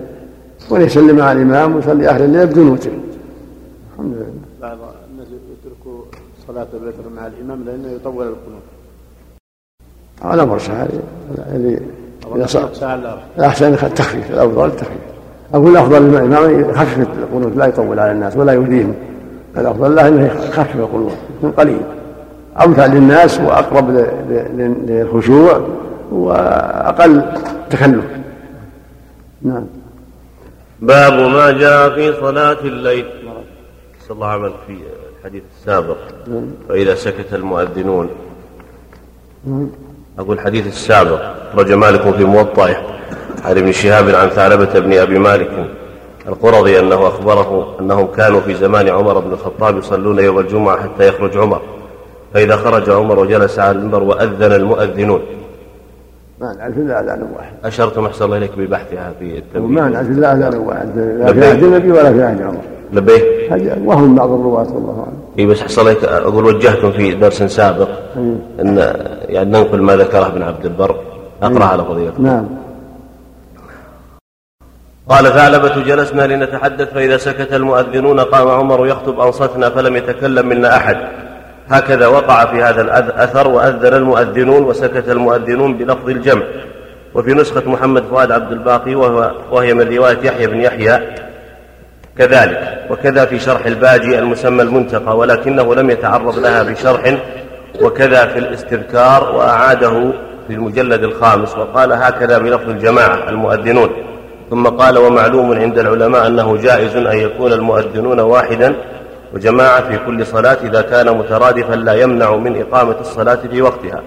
أما في الموطأ برواية أبي مصعب الزهري المدني أحمد بن أبي بكر فقد وقع بلفظ المؤذن. وكذا في الموطأ برواية محمد بن الحسن. وأما في التمهيد فبلفظ المؤذن. وكلام ابن عبد البر أحسن الله إليك في الاستذكار. قال والذي في المدونة من قول ابن القاسم روايته عن مالك قال فإذا جلس الإمام على المنبر وأخذ المؤذنون في الأذان حرم البيع فذكر المؤذنين بلفظ الجمع ويشهد بهذا حديث ابن شهاب عن ثعلبة بن أبي مالك القرظي أنهم كانوا في زمن عمر بن الخطاب يصلون يوم الجمعة حتى يخرج عمر فإذا خرج وجلس على المنبر وأذن المؤذنون هكذا بلفظ الجماعة. ومعلوم عند العلماء أنه جائز أن يكون المؤذنون واحدا وجماعة في كل صلاة إذا كان مترادفا لا يمنع من إقامة الصلاة في وقتها. أما حكاية قول الشافعي فقال أحب إلي أن يكون الأذان يوم الجمعة حين يجلس الإمام على المنبر بين يديه فإذا قعد أخذ المؤذن في الأذان فإذا فرغ قام الإمام يخطب فذكر المؤذن بلفظ الواحد على نحو رواية ابن عبد الحكم. وفي فتح الباري أحسن الله إليك في باب المؤذن الواحد يوم الجمعة قوله باب المؤذن الواحد يوم الجمعة أورد فيه حديث السائب بن يزيد المذكور في الباب قبله وزاد فيه ولم يكن النبي صلى الله عليه وسلم مؤذن غير واحد ومثله للنساء للنساء وأبي داود من رواية صالح بن كيسان ولأبي داود وابن خزيمة من رواية ابن إسحاق وكلاهما عن الزهري وفي مرسل مكحول المتقدم نحوه.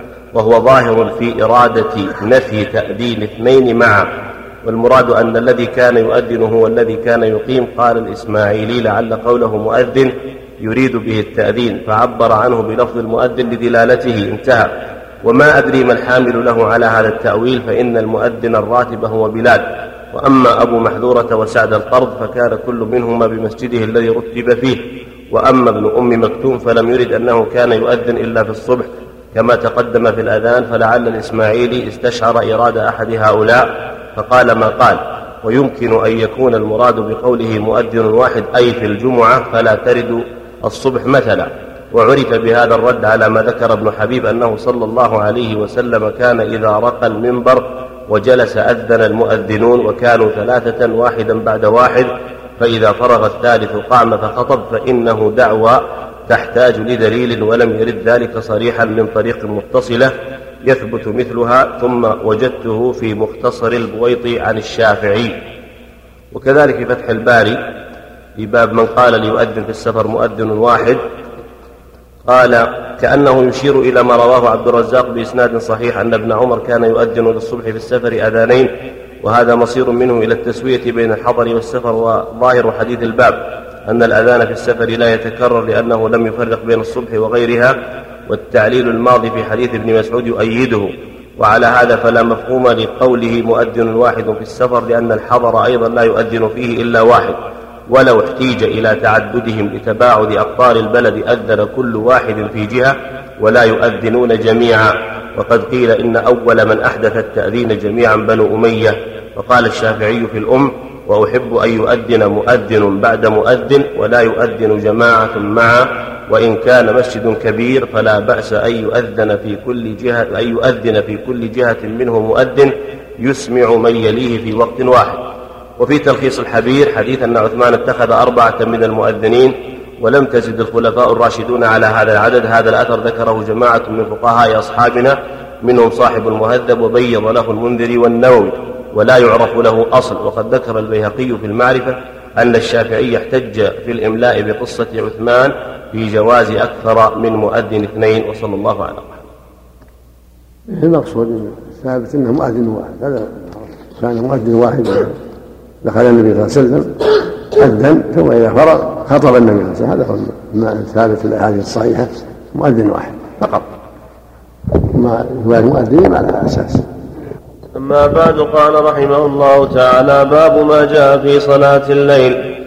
قال حدثني يحيى عن مالك عن محمد بن المنكدر عن سعيد بن جبير عن رجل عنده رضا أنه أخبره أن عائشة زوج النبي صلى الله عليه وسلم أخبرته أن رسول الله صلى الله عليه وسلم قال ما من امرئ تكون له صلاة بليل يغلبه عليها نوم.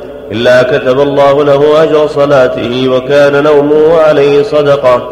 قال وحدثني عن مالك عن أبي النضر مولى عمر بن عبيد الله عن أبي سلمة بن عبد الرحمن عن عائشة زوج النبي صلى الله عليه وسلم أنها قالت كنت أنام بين يدي رسول الله صلى الله عليه وسلم ورجلاي في قبلته فإذا سجد غمزني فقبضت رجلي.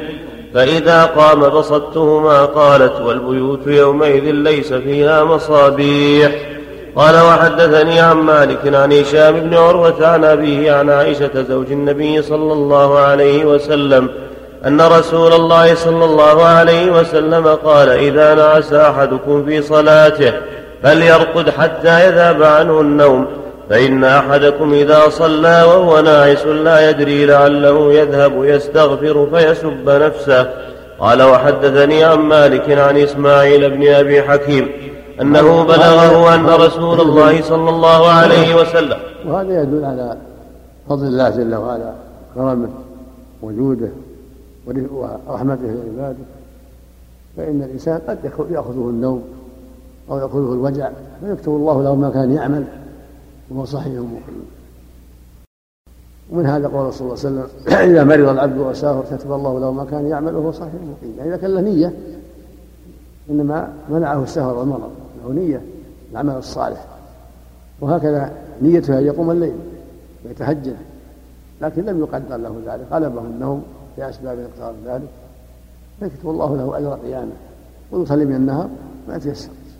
كان النبي صلى الله عليه وسلم إذا غلبه نوم أو مرض ولم يقم من الليل صلى من النهار.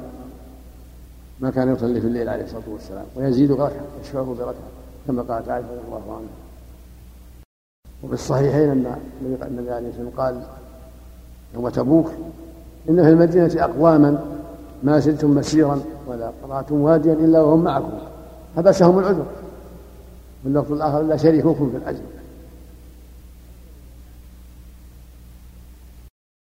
وهكذا إذا نعس قد يتهجد النعاس يستريح حتى يزول عن النوم.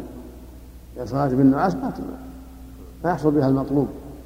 قد يذهب قد يستغفر ربه فيسب نفسه. ما ما يعقل فإذا كان عنده ضعف فلينام وليستريح حتى ينشط.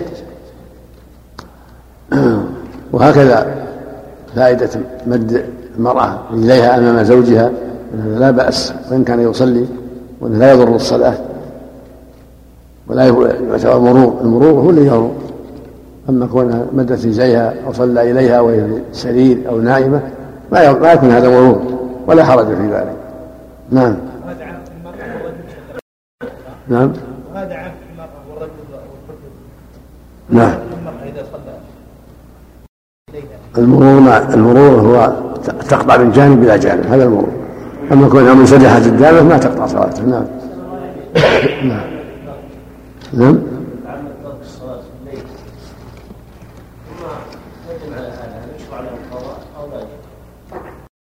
إذا تعمد يشرع قضاء النهار ضحى نعم.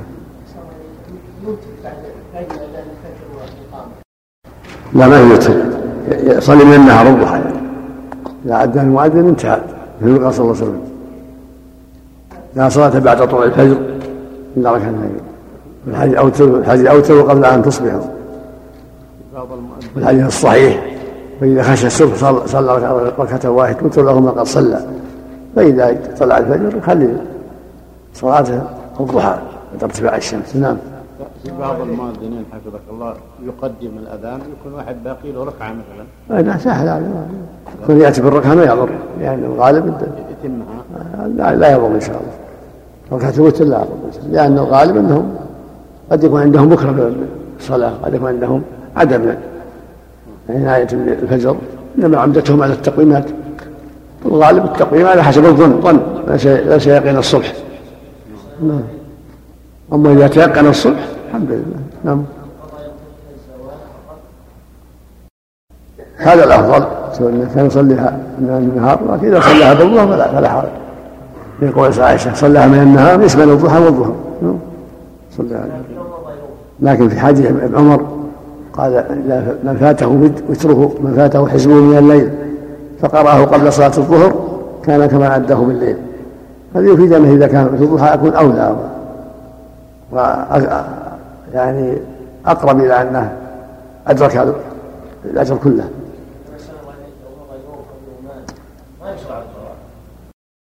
تقول عائشة رضي الله عنها صلاه من النهار وأطلقت. لكن خبر عمر الصحيح صلى قرأ حزبه قبل قبل الظهر. كان كمن قرأه بالليل. كونه يبادر به في الضحى أولى نعم. الله إليك حديث عائشة هل هو صحيح أن رسول الله صلى الله عليه وسلم قال ما من امرئ تكون له صلاة بالليل يغلب عليها نوم إلا كتب الله له أجر صلاته وكان نومه عليه صدقة. هذا سند فيه مبهم على مبهم. عندكم على مبهم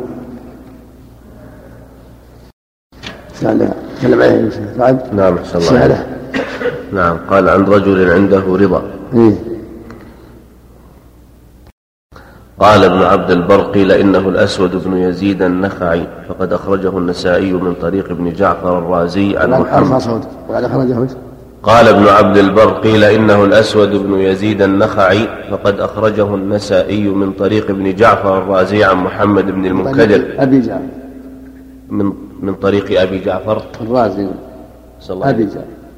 جعفر. من طريق أبي جعفر الرازي عن محمد بن المنكدر عن سعيد بن جبير عن الأسود بن يزيد عن عائشة به. ورواه النسائي أيضا من وجه آخر عن أبي جعفر عن ابن المنكدر عن سعيد عن عائشة بلا واسطة وجزم الحافظ بأن روايته عن عائشة وأبي موسى ونحوهما مرسلة.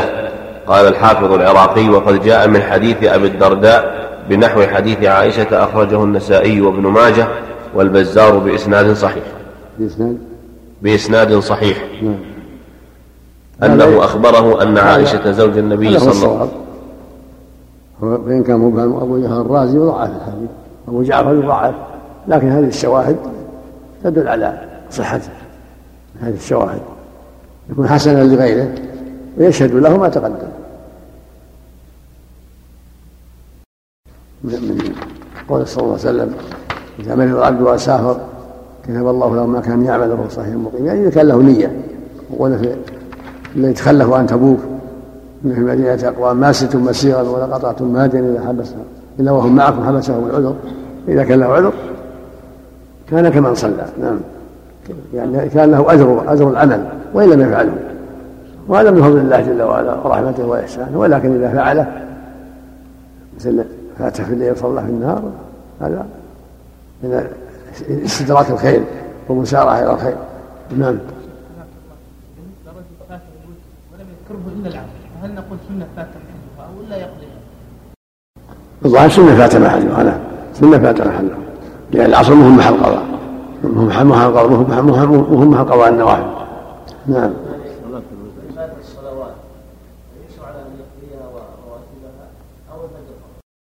الفجر فقط المعروف الفجر فقط. والبقية يقضيها فقط. ما ما ورد ما, ما نعرف منه قال بعض الفقهاء طبعا يشرع له ان يقضيها بالرواتب ما لم تدخل يحتاج يحتاج دليل تؤمل يحتاج دليل أو يحتاج دليل. لنعرف أن قضاء النبي صلى الله عليه وسلم الفجر مع مع راتبتها. وكان يصليها حتى في السفر عليه الصلاة والسلام لأنها متأكدة. بارك الله فيك. نعم. إيه، الوتر يقضيها مشفوعة. إذا كان 11 يصلي 12 كان عادة السبع يصلي ثمان يزيد ركعة بارك الله فيك يا شيخ ومن يحتج بقضاء الفوائد على فعل النبي صلى الله عليه وسلم حينما قدم اليه وفد عبد القيس هذا النبي صلى الله عليه وسلم نهى الناس أن يفعلوا لما سالته ام سلمه قال لا هذا خاص به صلى الله عليه وسلم. لما قضى سنة الظهر بعد العصر هذا خاص به. اللهم من نام عن الصلاه ما يدخل في عموم هذا في الفريضة. يقول النام عن الفريضه وراتب هذا هذا في الفرائض. أما النوافل محل نظر. إن ثبت عنه صلى الله عليه وسلم أنها قضاها والا فالاصل عدم القضاء. تخفيفا من الله ورحمة من الله. أما الفجر ثابت فيها نعم.